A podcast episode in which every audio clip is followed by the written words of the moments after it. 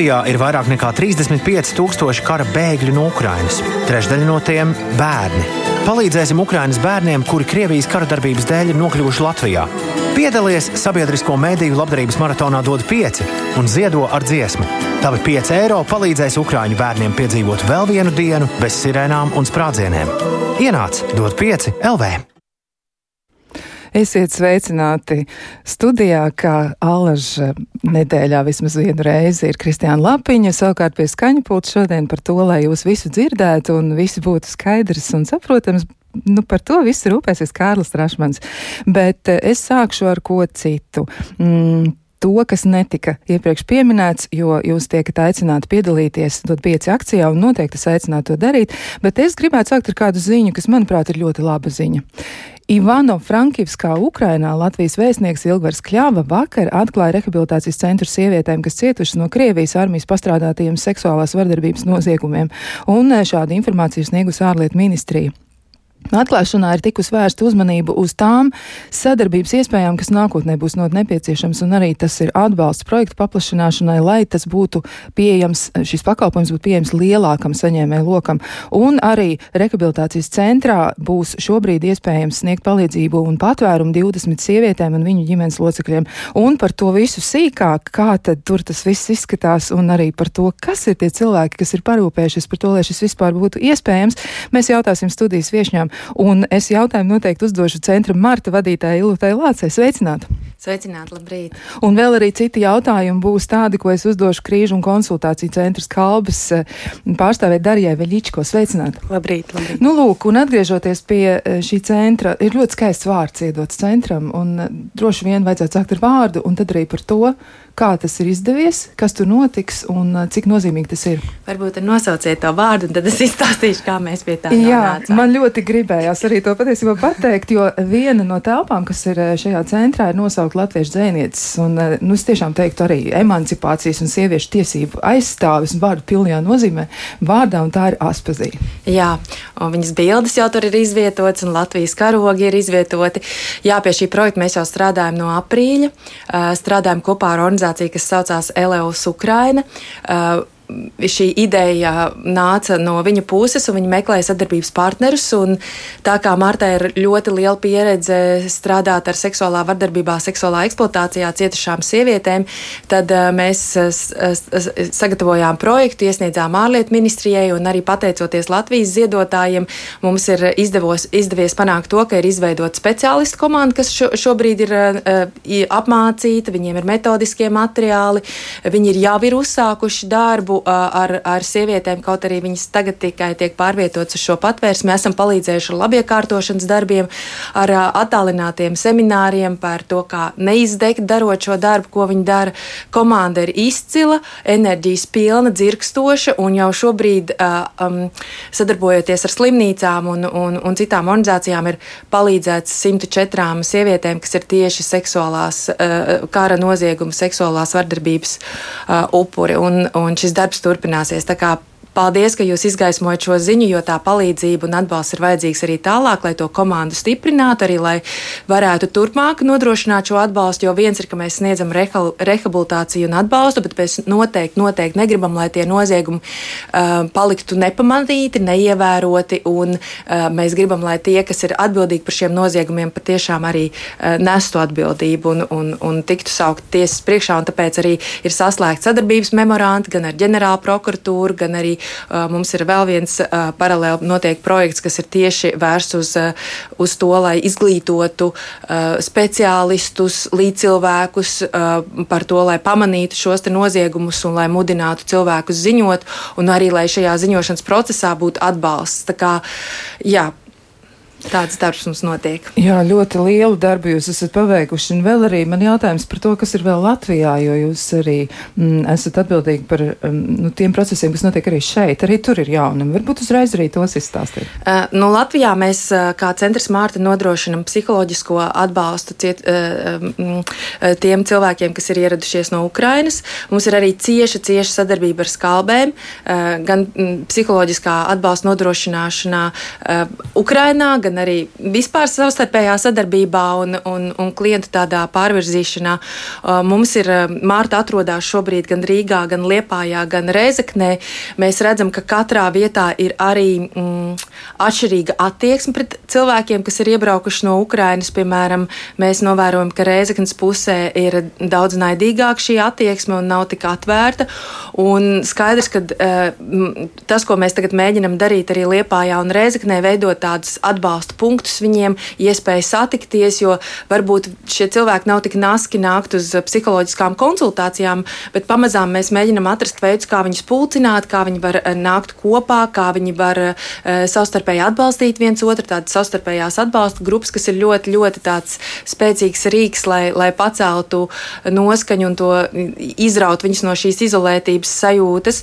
Uh, un, un, piemēram, Reizeknē mums ir ļoti jauka aktivitāte, ko kolēģi uh, piedāvā un kas patiešām darbojās, ir kopīga adīšana.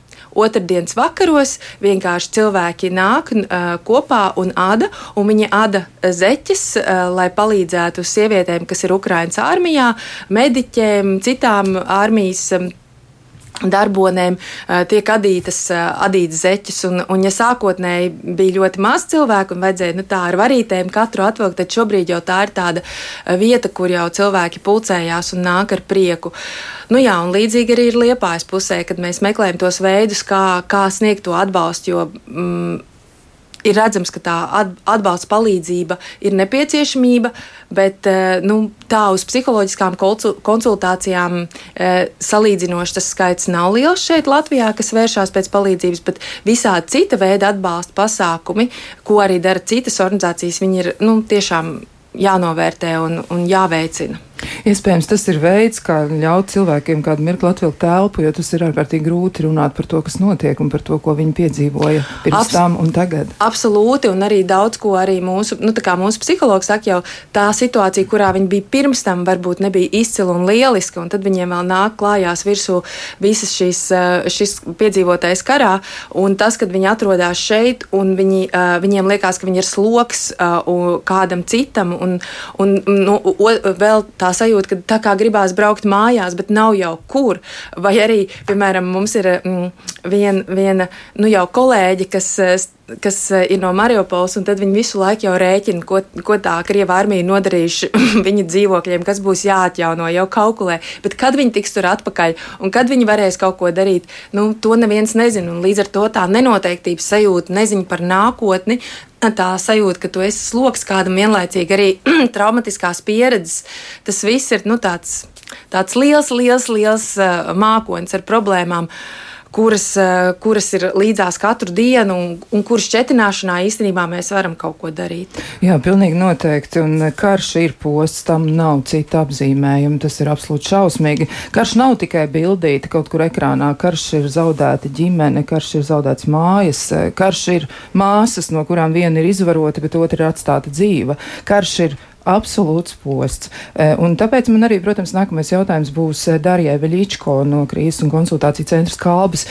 Par jūsu pieredzi, jo jūs reāli strādājat ar šiem cilvēkiem, jūs arī koordinējat šos procesus. Kas ir tas, ko jūs varat pateikt? Nu, kaut vai sāksim ar to, kas ir tas, ko cilvēks stāsta pašlaik. Jā, nu, nu šobrīd ir tā, ka Krīžu un konsultāciju centras kalbēs e, mēs sniedzam gan tādas ilgtermiņa psiholoģiskas konsultēšanas pakalpojumus, jā, bet mēs arī nodrošinām psihoemocionālo atbalstu atbalstu tieši Rīgas centrā, atbalsta centrā Ukraiņu civiliedzīvotājiem, tas ir tiem cilvēkiem, kas ir iebraukuši. Un tas labas lietas, ko Ilva tikko bija pateikusi, jā, varbūt tās ir nu, ne tikai tādā traumatiskas pieredzes fonā, bet tieši tādā, varbūt tādas nacionālas specifikas, bišķiņa mentalitātes, ko uh, cilvēki no Ukrainas ir ļoti tādi stipri. Un viņam ļoti grūti vērsties pēc tās atbalsta un palīdzības. Tas ir kaut kā, viņam, viņi izjūt gan, ka, ka viņi kā būtu sloks citiem cilvēkiem un ka viņiem ir jābūt stipriem un jāiztur viss, kas notiek. Bet jāsaprot, ka kara traumatiska pieredze ir viena lieta, atbraukt uz citu valsti, pilnīgi būt izrautiem no mājām, tā ir pavisam cita traumatiska pieredze. Mm. Un uh, uh, vērsties pie, pēc psiholoģiskā atbalsta ir grūti. Un, uh, līdzcilvēku atbalsts jau tas ir tas svarīgākais. Jo tie cilvēki, eh, kuriem ir līdzīga pieredze, kas iet cauri līdzīgam lietam, viņi viens otram ir lielākais atbalsts. Tāpēc tas atbalsta grupas un socializēšanas grupas ir ārkārtīgi svarīgas un palīdzošas. Tieši, tieši tāpēc, ka tie ir tie cilvēki, kas, nu, kas atbalsta visvairāk, jo tā pieredze ir līdzīga. Jā. Bet eh, runājot tieši par tām tēmām, ar kurām vēršās pie mums. Uh, Tēmas ir ļoti dažādas. Uh, nu, tie cilvēki, kas tik, tikko ir iebraukuši, vairāk runā protams, par to, par to traumatisko pieredzi un, un, un tām akūtām lietām, par visu, kas ir noticis, par uh, zaudētām mājām, par, par izplostītām pilsētām un, un, un par tuviniekiem, kas ir gājuši bojā. Uh, Un eh, cilvēki, kas jau kādu laiku uzturas šeit, ehm, Latvijā, viņam bija viņa savādāk. Ir, ehm, viņi vairāk par adaptācijas grūtībām runā, par eh, valo, valodas apgūšanas grūtībām, par to valodas barjeru, par primāro vajadzību nodrošināšanas grūtībām, kā atrast darbu, atrast mājokli, atrast cilvēkus, ar kuriem parunāt un socializēties. Tas ir tās lietas, jā, un uz šī fona arī bišķi nāk tas um, pārdomas par to, kā atgriezties. Ir liela vēlme, ir daudz runā par to, ka vēlās atgriezties atpakaļ, bet nav jau kur atgriezties. Mm un, un tas ir tas smagākais, kā, kā tā vēlme un ilgas pēc dzimtenes ir, bet diemžēl atgriezties ir ar bīstami. Mm -hmm. Pirmkārt, bīstami, un, un, un nav jau kur atgriezties. Jā. jā, liela daļa no šiem cilvēkiem arī ir no tiem reģioniem, kur nu, viņus pašus viņu prezidents aicina ne, neatgriezties mājās, jo tas tiešām ļoti, ļoti bīstami. Jā, bet kas tad vēl ir tas, ko viņi saka? Jo es negribu sabiezināt krāsas, ja tā teikt, aicinot klausītājs domāt tikai par eh, ļoti, ļoti šausmīgām lietām, bet tas tā ir. Un ja mēs skatīsimies uz to realistiski, lai arī tas ir kaut kur tā kā tālāk prom no mūsu mājām, tas ir reāls drauds. Un, un šiem cilvēkiem, kam, kas ir izgājuši cauri LA un joprojām LA dzīvo, ir noteikti jāsniedz palīdzība. Un varbūt ir vērts vēl kaut kā, nu, vismaz iezīmēt tādu, vēl kādu tādu, es nezinu, neminot neko konkrēti, bet, nu, iezīmēt to lauku, par ko viņi vēl runā, kas ir vēl tās problēmas. Ja, ja tie ir tādi vispārīgi vārdi, ko mēs izmantojam, tādi kopsavilkumi, bet nu, kaut ko tādu ļoti, ļoti tiešu varbūt. Ļoti, ļoti, par ļoti, ļoti tiešām uh, lietām runāt ir ārkārtīgi grūti un smagi.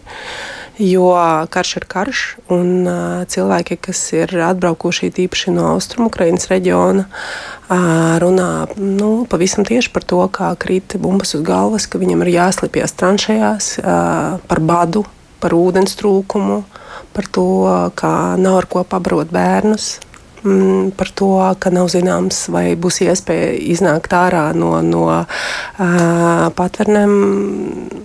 Tās ir tās lietas, kuras ir grūti klausīties, un runāt par tām ir arī ārkārtīgi smagi. Un vēl, vēl tas, ko mm, uzsver cilvēki, kas ir bijuši okupētajās teritorijās, Austrumukrainā, uh, Dienvidukrainā, viņi stāsta par to, to ārkārtīgo postu, arī ko nodara tas, ka tu dzīvo tādā izolētībā, tev nāk tikai tā informācija, kas nāk no Krievijas propagandas kanāliem, ka tā sajūta, ka visa pasaule par tevi ir aizmirsusi. Kaut gan visa pasaule nu, ceļās kājās un mēģina kaut ko darīt, lai palīdzētu, bet eh, nu, esot tur, eh, tajā brīdī nu, tā sajūta eh, ir bijusi šausmīga. Un arī tie, tas ceļa posms caur Krieviju uz Eiropu, caur visi tie pazemojumi, kas ir bijuši, un arī atkal, un tā kā man tās sievietes, ar kurām es esmu runājusi, ir teikušas, ka viņas pat aizliedz sev domāt, brīvi, un, uh, jo viņām likās, ka pat viņu domas tiks kaut kādā veidā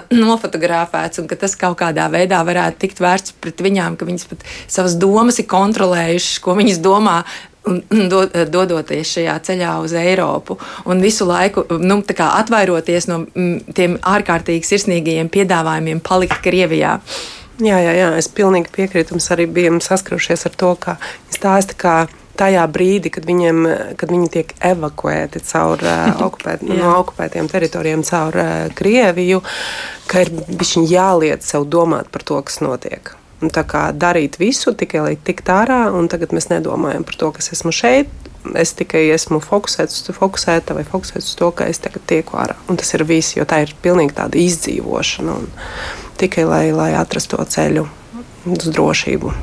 Jā, nu, vēl arī jautājums klausītājiem ir, ir pilnīgi skaidrs, ka e, posts, kas tiek vērsts pret cilvēkiem, tur nešķiro vecumu, dzimumu. Jā, un mm. jautājums ir arī ļoti konkrēts, kāds atbalsts ir izvarotiem vīriešiem, jā, jo arī e, šādas lietas tiek darītas, jā, nu, tā tad noziegums tiek vērsts arī absolūti nedomājot par vecums, dzimums, tam jau nav nozīmes. Tā cietsirdība un sadisma pakāpe, kāda tur ir, tā jau nav prātam apturama.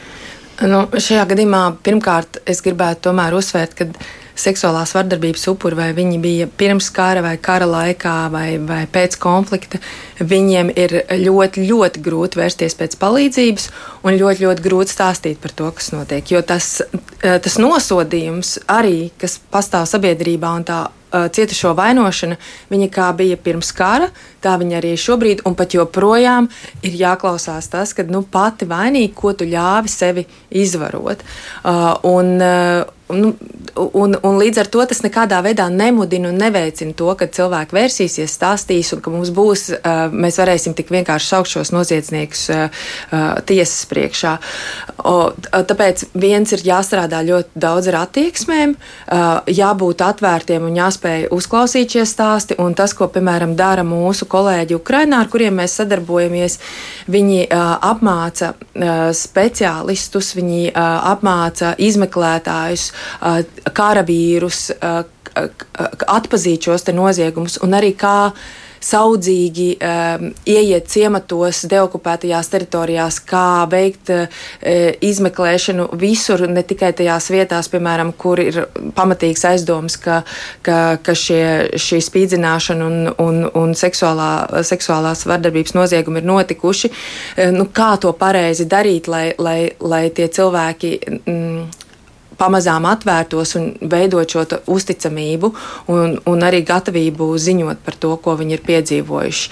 Jo arī tie cilvēki, kuriem jau nu, tiek nodrošināta rehabilitācija, tas jau nenozīmē, ka viņi ir gatavi ziņot, sadarboties ar tiesību sargājošām institūcijām un tā, tā kā, lai arī, nu, piemēram, tur ir jau liels klāsts vispār ar lieciniekiem par karu noz, noziegumiem un, un ziņojumu, tad uh, saistībā ar seksuālo vardarbību ir uh, nepilni pāris simti. Ja? Tas ir no ārkārtīgi mazs rādītājs rādītājs, zinot visu to apjomu, kas notiek, un, un tās šausmas, kas pavērās, ka tu ieej tajās atbrīvotajās teritorijās. Jā, nu arī izmeklētāji ir secinājuši, ka ļoti, ļoti smagi šie noziegumi ir šausminoši, un ja tam cilvēkam ir veicies izdzīvot, tad tiešām sagaidīt no viņa, ka viņš varētu tā vienkārši par to runāt, ir praktiski neiespējami, ja viņam ir veicies. Ja Jā, un mums ir organizācija, vairākas tādas sadarbības organizācijas, kas strādā uz vietām, un ir viens tāds arī tāds liels tīkls, kas tieši strādā, lai ieviestu uh, ANO rezolūciju, uh, drošības padomus rezolūciju sievietes miers drošība.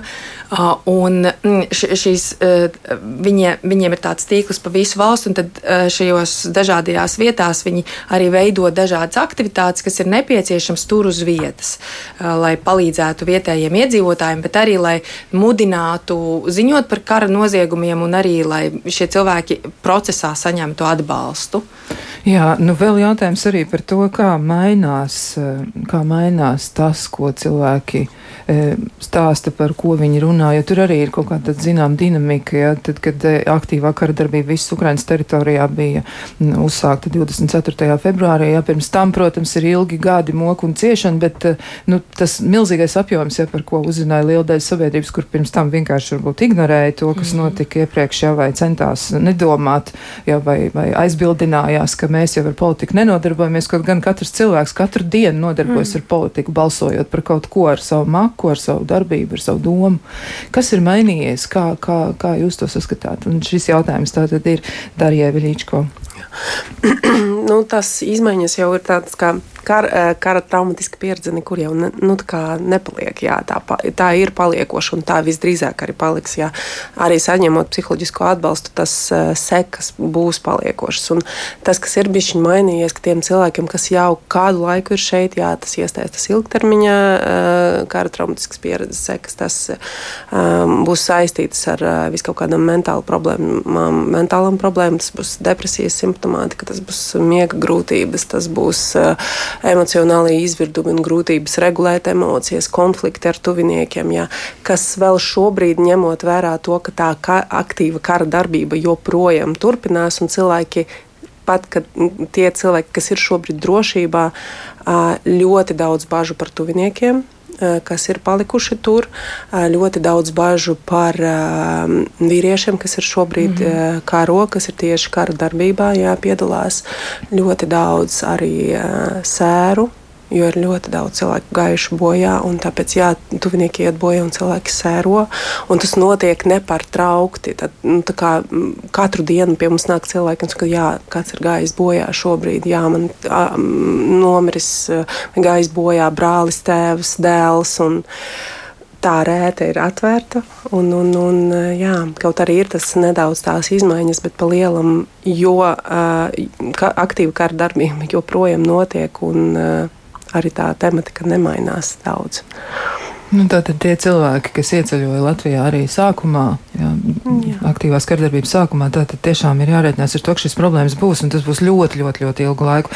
Nu, varētu teikt, ka tas būs vairākās paudzēs, pilnīgi mm. droši mēs to varam apgalvot, mm. vai ne? Jā, jo karš jau ir tāda, tā kā, ja mēs runājam par krīzes situāciju, mm. jā, tad karš ir tāda nepārtraukta gara krīze, jo katru dienu kaut kas notiek. Nav tā, ka ir kaut kāda mie miera stāvoklis, vai tagad šobrīd mm. nav nekrit bumbas, vai neviens neiet bojā. Nē, karā vienmēr kaut kas notiek, un tas krīzes ir akūtas un atkārtojas viena pēc otras, pēc otras, pēc otras. Un, un, un, un tas arī nedod cilvēkam nekādā atelpas brīža, diemžēl. Bet, un tas uh, trakākais arī, ko arī nu, min šie te, um, ukrāņu kolēģi, kad cilvēki jau sāk to normalizēt. Ah, nu šodien mazāk šauja, vai šodien mazāk krīt bumbas, vai, vai nu, piemēram, arī tie apstākļi, kādos mēs tos attālinātās uh, sarunas vai sanāksmes vai, vai seminārus esam vadījuši. Ah, nu pazuda elektrība, labi, mums, oh, mums uz baterijām mēs varam darboties kādu laiciņu un tā tālāk. Vai sirēnas tur skan, ah, nu, nu es, es šoreiz neiešu ja, uz, uz patvērsni kaut gan jāiet, ja, un tā tālāk. Nu, kad cilvēki jau nu, ti, sāk pierast un normalizēt to, kas ir nenormāls, un to nedrīkst arī pieļaut, jo, jo nu, tad mēs kā, to nenormalību uh, normalizējam. Un, un, un a, esot šeit Latvijā, mums ir jāpalīdz tiem cilvēkiem arī nu, kā, zināmā mērā atgūties un, un saprast, un arī tiem cilvēkiem, kas viņiem ir palikuši tur un kas dzīvo šajos ārkārtīgas izdzīvošanas apstākļos, dot to Eh, to normalitātes sajūtu un to, ka tāda ir iespējama. Jā, nu tas ir savā ziņā, manuprāt, psiholoģiskās aizsardzības, tāds, tāds ir psihiskās, precīzāk, psihiskās aizsardzības mehānisms, ka cilvēki mhm. daļai noliedz realitāti, jo pretējā gadījumā viņi mhm. vienkārši, viņi, viņi, nu, vienkārši vārdiem izsakoties, viņi saigas prātā, jā, tas, mm, to jā. nevar izturēt ilgu laiku. Um, jā, es arī vakar skatījos vienu interviju ar, ar, arī ar opozicionāru žurnālisti intervēju Ukraiņu, Ukraiņu mēdīs, un, un nu, tur arī līdzīga situācija, ja vīrietis stāsta, ka viņš ir nolēmis iet uz baseinu, un viņš dzird tajā brīdī ir gaisa trauksme, un viņam pirms tam arī saka, ja tā recepcijā meitene, viņa saka, nu, ziniet, nu, varbūt, ka nevajag. Viņš saka, nu, šobrīd jau ir vienalga, ja, kur tad es esmu, es esmu baseinā, es esmu kaut kur citur. Nu, tāds ļoti spēcīgs noliegums.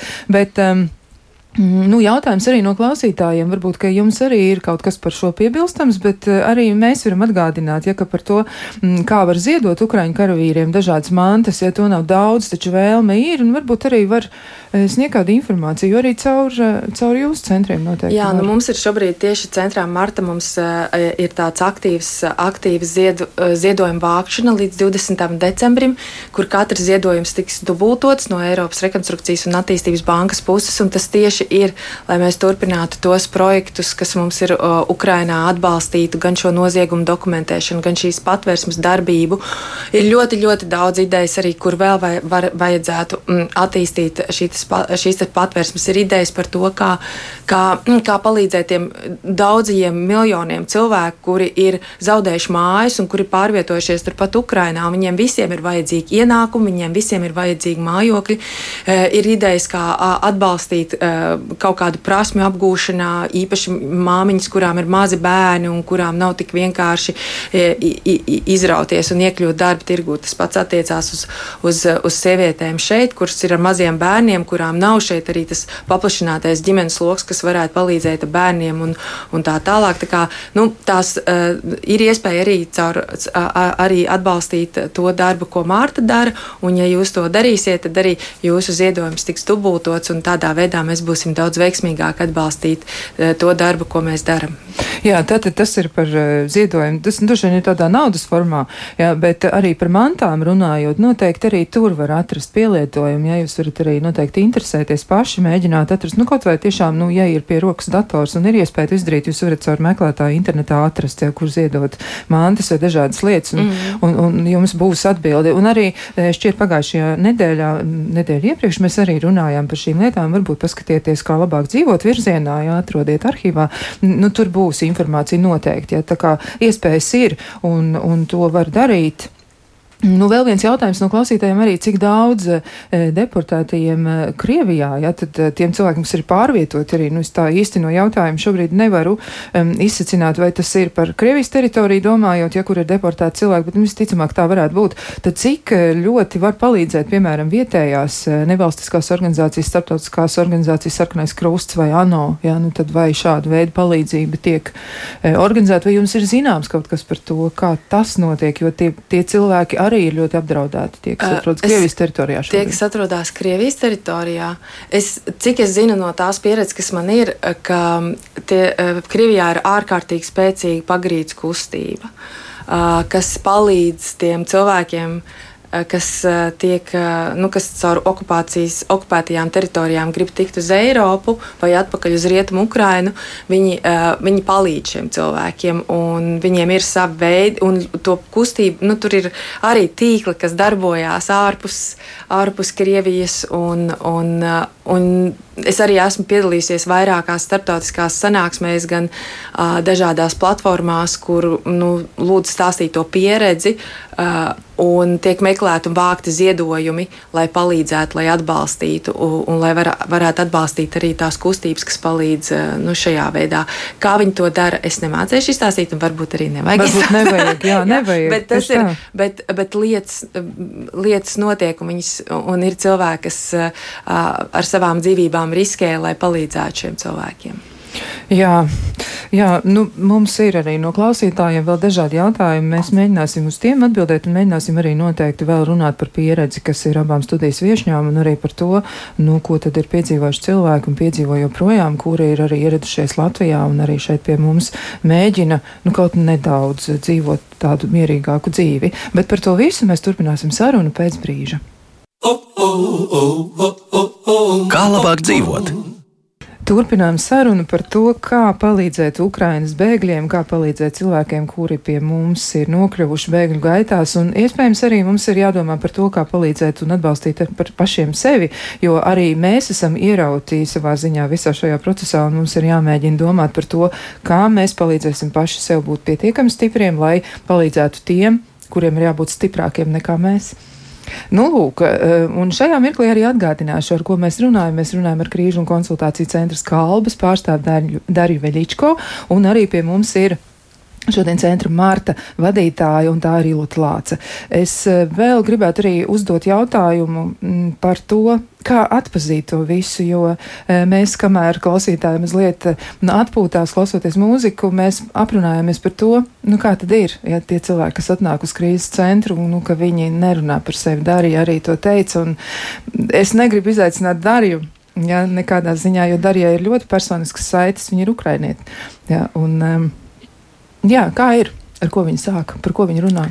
Un parasti ir tā, ka jā, es jau jā, minēju par to, to iekšēju stiprumu, kā, kā, kā nacionālu tādu varbūt iezīmi, jā, bet eh, parasti ir tā, ka kad viņi atnāk uz mūsu kabinetu, kas ir psihoemocionālā atbalsta kabinets Ukraiņas atbalsta, Ukraiņu civil, civiliedzīvotāju atbalsta centrā Rīgā, tad viņi gandrīz vai nekad nesāk runāt par sevi un to, kas notiek ar viņiem. Viņi lielākoties, tas ir 90%, ka viņi sāk runāt par bērniem. Viņi runā par to, ka bērniem ir grūtības adaptēties vai iekļauties izglītībās iestādes, vai ir uzvedības problēmas, vai slikti guļ, vai kaut kādas tādas lietas. Un, pietiek ar tam pie, piecām minūtēm parunāt, kad viņam pavērās, viņš tas emo, emocionālie vārti pavērās un, un sākas gan asaras, gan, gan kliedzieni, gan visa tā smagā, traumatiskā mm, pieredze nāk ārā. Un, un, jā, to ļoti grūti, grūti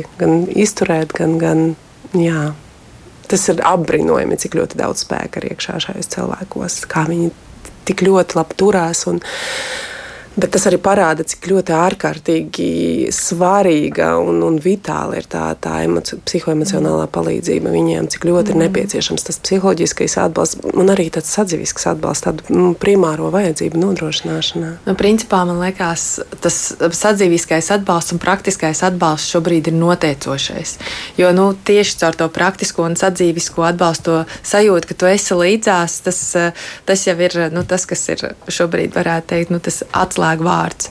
Un tāpēc man liekas, arī visas šīs grupas, kur cilvēki tiekās, kur viņi var eh, darīt citas lietas, runāt par visu kaut ko, bet ir tā līdzās būšana un līdzās eh, sajušana. Un kad eh, nu, mēs esam vienoti nevis mums ir arī, nācies arī uzklausīt stāstus, kad cilvēks mēģina apgūt latviešu valodu pēc labākām pēc labākām vēlmēm, un izrādās, ka cilvēks, kas māca to latviešu valodu, īstenībā nemaz nav Ukraiņas atbalsta pozīcijās un, un ir eh, pārstāv Krievijas imperialistiskās domāšanas virzienu, un tad ir, tad ir nu, divi tik eh, smagi. Un man ir kā, latvietei savukārt ļoti smagi to klausīties, jo nu, ar sirdi un vēseli mēs taču gribam atbalstīt uh, Ukrainu un Ukraiņu tautu, un, un tad, tad, tad, kad tu uzzini, ka tavā valstī notiek kaut kas tāds, tas ir, ir ļoti nepatīkami patīkami. Viņam jāsaprot, ka viņam arī ir ļoti tāda nu, vientulības sajūta mm. šeit, šeit būšot šeit Latvijā, ka viņa Viņi ir ļoti tā, tālu no ģimenēm, no dzimtenes, no radiem, draugiem un pārējā. Un viņam ir ārkārtīgi svarīgi ne tikai to pamatvajadzību nodrošināšana, bet tieši socializēšanās. Mm. Jā, jā, lai nejusties tik ļoti vientuļiem šajā visā, lai mm. saprastu, ka ir blakus cilvēki, kuri iet kaut kādām līdzīgām lietām cauri, vai arī ir gatavi atbalstīt un būt līdzās.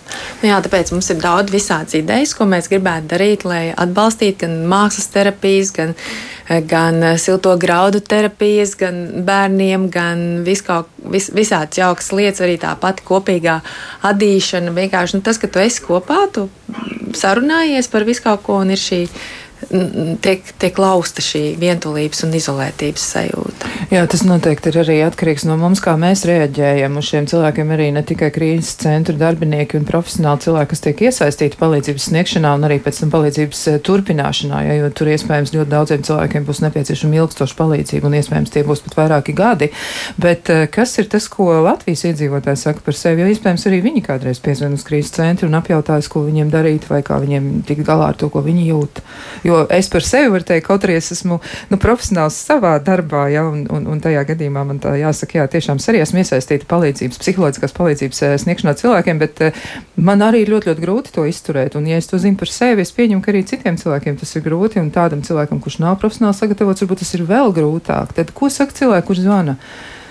Nu, apmēram to arī saka. To arī saka kā jūs. Jā, jā. šeit ir ļoti svarīgi mums šķiet atcerēties to, ka uh, mēs nevaram parūpēties par cilvēku, kas mums ir līdzās, ja mēs pirmkārt nerūpējamies par sevi. Mm. Un es saprotu, ka tas varētu skanēt tā kā paradoxāli bišķiņ, ka mums arī jārūpējas par sevi, jo uh, pie mums, piemēram, bēgļu centrā arī nāk brīvprātīgie uz konsultācijām. Un tas, par ko viņi parasti runā, kā, kā es tagad varu nākt pēc atbalsta, ja es saprotu, ka man tagad viss ir labi, esmu drošībā, esmu mm -hmm. mājās, man viss ir kārtībā. Un šeit ir tie cilvēki, kas ir izrauti ārā no mājām, kas ir piedzīvojuši to, to šausmīgo kara pieredzi. Un, un kā es tagad varu par kaut ko savu runāt? Bet Tas ir ļoti svarīgi. Mēs mm -hmm. nerūpējamies par sevi, mums nebūs resursi parūpēties par cilvēkiem, kas, tas, kas ir blakus, kuriem ir smagi. Jā. Un tiešām mums ir, es ļoti aicinātu zvanīt, ja ir nepieciešamība, lai saņemtu to, to psihoemocionālo psihoemocionālo atbalstu uz uh, krīzes līniju, kas ir 116, 123. Jā, un, un, un, vēlreiz, tur, vēlreiz, un mazliet lēnāk. jā, tad mums ir uh, krīzes, krīzes līnija, kas ir uh, ne tikai pieejama tikai Latvijā, bet arī citās Eiropas valstīs. Tas ir numurs ir 1. 16123, un tas ir atbalsts, tur ir pieejams uh, latviešu, krievu un angļu valodā, tā kā var vērsties uz to līniju jebkurš, arī Ukrainas iedzīvotāji, gan arī Latvijas iedzīvotāji, un tas atbalsts ir pieejams ikvienam.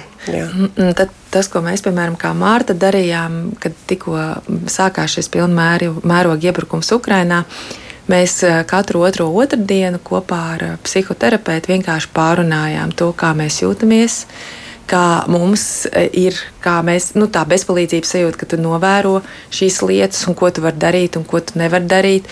Un kā izturēties pret cilvēkiem, kas iebrauc Latvijā, nu, un arī kā tikt galā ar to, ka daļa tavas ģimenes, kas atrodas Latvijā, ir Uh, Ukraiņu atbalsta pozīcijās, un tad ir ģimenes locekļi, kas varbūt atrodas citās valstīs, uh, Krievijā, piemēram, vai Ukrainā, vai, vai kaut kur citur, kas ir kaut kādās citās no, uh, pozīcijās un, un, un, un sadzīvot ar to, ka tavi radinieki var būt Putina atbalstītāji, arī ir ļoti sarežģīti. Un, un tas arī tev rada tādu absolūtu diskomfortu. Un tās bija visas lietas, par kurām mēs runājām. Es tiešām arī iedrošinu organizācijas un uzņēmumus nu, arī atrast, atrast laiku, vietu, pieaicināt kādus speciālistus un arī domājot par, par, par šo personīgo labsajūtu, arī tomēr pārunāt tos jautājumus, kas ir sāpīgi un kas ir ir sāpīgi arī saistībā ar karu, kas notiek mums līdzās, un kuru mēs piedzīvojam arī ikdienā caur bēgļu plūsmu, kas mums ienāk Latvijā. Jā, noteikti tas būtu arī jādara. Tas ir ļoti labs padoms, un eh, gan jau kā iestāžu vadītāji arī varētu, mm, mm varētu izmantot jā, nu, to, mm, kas, kas ir pieejams, jā, un parūpēties par, par sevi, par savu psihoemocionālo stāvokli jau laicīgi, jo tiešām mums ir jābūt stipriem, bet uh, Bet mēs nevaram tādi būt, ja mēs nu, nekā nedomājam paši par sevi. Jā, un vēl ir viena lieta, kas, protams, ko mēs arī kā Mārta esam darījuši no, no, no, no februāra, e, ir mēs esam mēģinājuši rast dažādus veidus, kā informēt cilvēkus, e, kas strādā ar bēgļiem, arī organizācijas, kas strādā ar bēgļiem, kā pievērst uzmanību dažādiem riskiem, kā atpazīt pazīmes, kad cilvēks varbūt tik, tiek mēģināts ielināt kaut kādos cilvēku tirniecības tīklos, ir sagatavot materiāli, arī tie tiek dalīti šajos punktos, kur pulcējās cilvēki no Ukrainas, jo, lai cik tas būtu nepatīkami, bet joprojām uh, ir tīkli, ir, ir, ir um, organizētā noziedzība, kas tieši izmanto šo cilvēku ievainojamo stāvokli un grib uh, nopelnīt uz viņu rēķina.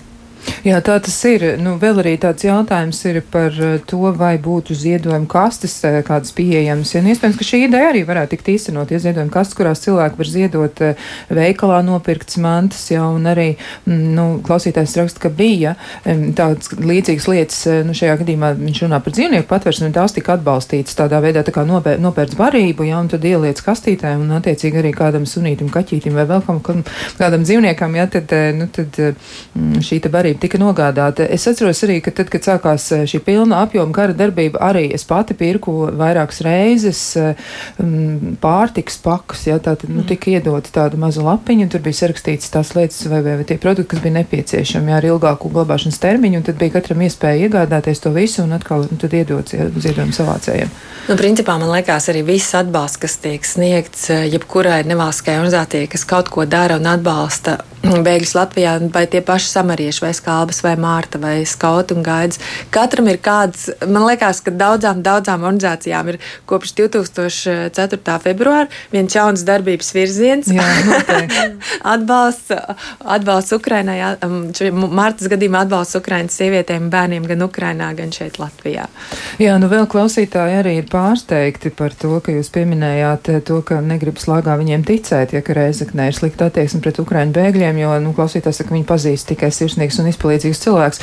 Tā tas ir, eh, ja mēs runājam par sevi, un pētījumi rāda, ka mums ir apmēram 5, 4, 5 cilvēki, kas ir ap mums, un ja mm -hmm. viņi ir jauki un sirsnīgi cilvēki, mums rodas nu, tā, mm. tāda ilūzija par to, ka pasaule mm. kopumā ir ļoti laba, jo mēs esam atraduši šos cilvēkus, viņi ir atraduši mūs, bet, diemžēl, Jā. ir arī citas situācijas. Un arī tās situācijas, kad uh, mājokļa jautājums. Tas taču ir problemātisks gan Latvijas cilvēkiem, gan arī cilvēkiem, kas tagad iebrauc pie mums. Un cik tad mums ir, tas ir tik sarežģīti atrast mājokli cilvēkiem, kas ir iebraukuši no Ukrainas. Nu, negrib tie cilvēki viņiem uh, izīrēt vai dot, kur dzīvot un tā tālāk. Un es saprotu, ka ir cilvēki, kas to dara, un tad viņiem liekas, ka visi tā dara, bet tā nav. tā nav.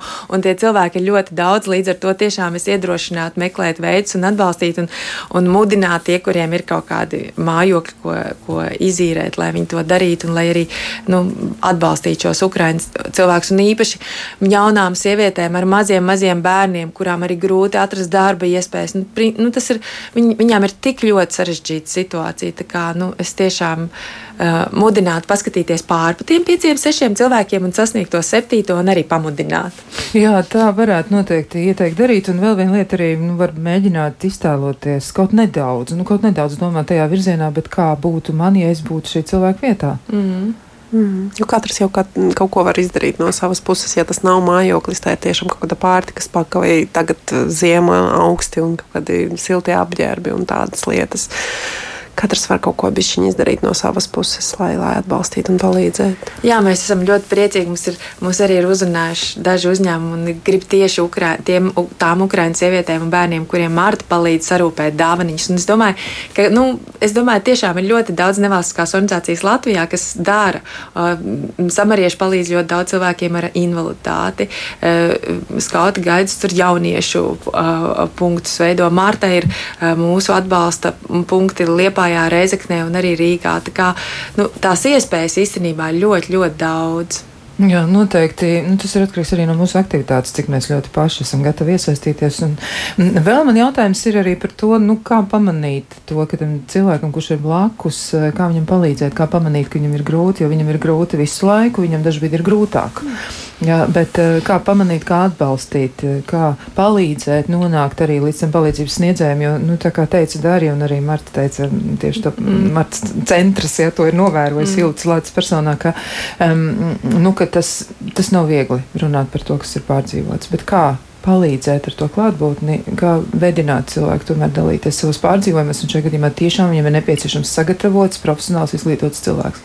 Jā, bet es domāju, ka jāsaka pišķiņ ar to, kā pašam izvērtēt savas, eh, savu gatavību atbalstīt, cik ļoti mēs esam gatavi būt klāt un atbalstīt. Jā, jo, kā jau runāju, jā, par rūpēm par sevi, jā, tas ir primāri. Mums jāsaprot, vai mēs paši būtu gatavi mm, būt klāt un atbalstīt un uzklausīt kaut kādas tādas smagas lietas. Bet, uh, Pamatnīt ir ārkārtīgi grūti, kā jau šodien minēju. Viņi parasti ļoti labi turās un, mm -hmm. un mhm. nestāsta. Un, jā, bet uh, sākt ar to, kā dot viņiem zināmu kā mēs esam pieejami, mm -hmm. ka es esmu gatavs būt klāt, es esmu gatavs uzklausīt, ja tev ir tāda nepieciešamība, un mudināt bišķiņu, nu, ka iedrošināt.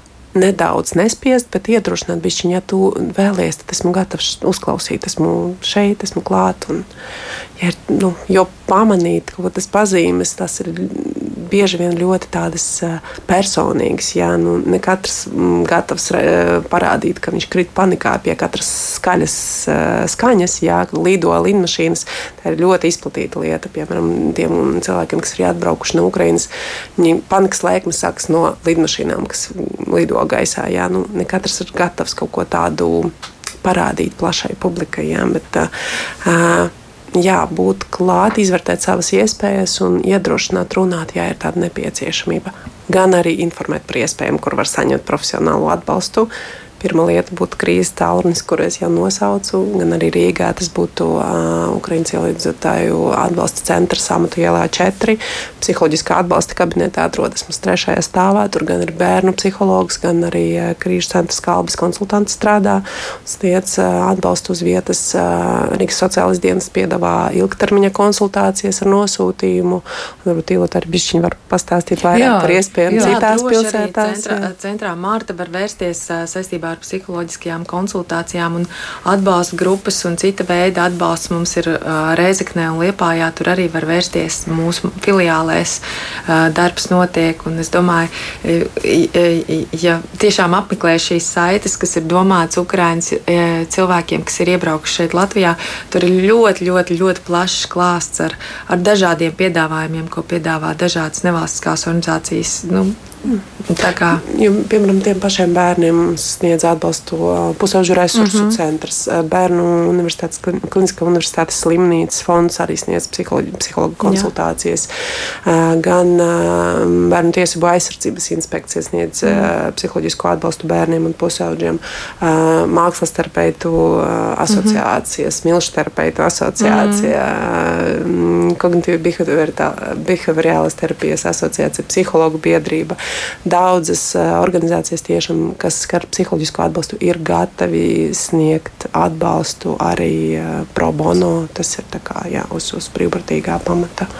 Jā, nu tā tad ir jāsameklē pašiem arī informācija, var tiešām sākt kaut vai ar to, nu, ka mm, izmantot šīs saites, ja arī šos telefonu numurus, ko mēs eh, šodien piedāvājām jums un nosauc arī mm, Dārija Veļičko, tad, tad atcerieties krīžu un konsultāciju centra skalbes un noteikti varbūt arī Marta var mm, sevi vēlreiz pieteikt, ja kā centru. Un... Tātad noteikti jūs varat doties uz www.mārta.lv un uh, atradīsiet informāciju par centru Mārta, uh, arī par, par mūsu filiālēm, un tā, viss tālruņa numurs būs un, un tā, tā kā droši, un arī par iespēju ziedot un atbalstīt to darbu, ko mēs darām gan Ukrainā, gan arī šeit. Tā kā mēs būsim pateicīgi par katru ziedojumu, jo viņš dubultosies. Jo viņš dubultosies tieši tā, un nu, tas ir kas tāds, kas katram no mums laikam šobrīd jau jāuztver zināmā mērā kā tāds, nu, Es negribētu teikt pienākums, ja tā ir, protams, brīva izvēle, bet man liekas, ka tas ir kaut kas tāds, kas ir vairāk par cilvēcību, par tādu kopā būšanu, par tādu lielāku mērogu, kā mēs uz sevi lūkojamies. Un šeit negribu citēt gluži klausītāju komentāru, bet gribētu aicināt apdomāties par to, vai tiešām tas varētu būt tik grūti, ja tas nav blakus eh, nu, tā ziedojuma kaste. Varbūt ir mazliet jāziedo vairāk laika un jāaizbrauc līdz tai vietai, kur viņa ir, vai arī eh, jāatver mājaslapa un eh, ar savu internetbanku jāmēģina būt attiecībā attiecībās un jāziedo nauda. Ja? Nu, nu, varbūt tas prasa vairāk nekā mēs esam ikdienā raduši darīt, bet eh, šis ir tas mirklis, kad mums ir tiešām jāsaliedējas, mums ir jāturpina palīdzēt, mēs nevaram to normalizēt, mm. jā, to, kas notiek, jo tas nav normāli, tas ir, tas ir posts, nekāda cita vārda, diemžēl mēs tam atrast nevaram. Liels paldies gan Krīžu un konsultāciju centras kalbas eh, pārstāvēt Darjai Veļīčko, gan arī centra Marta vadītāja Ilutai Lācei, un paldies arī klausītājiem, kuri jau ir ziedojuši, kuri ir devuši patvērumu, kuri ir devuši mājas un uh, ir devuši cerību cilvēkiem. Turpiniet to darīt. Kopā mēs to noteikti varēsim, un mēs noteikti uzvarēsim.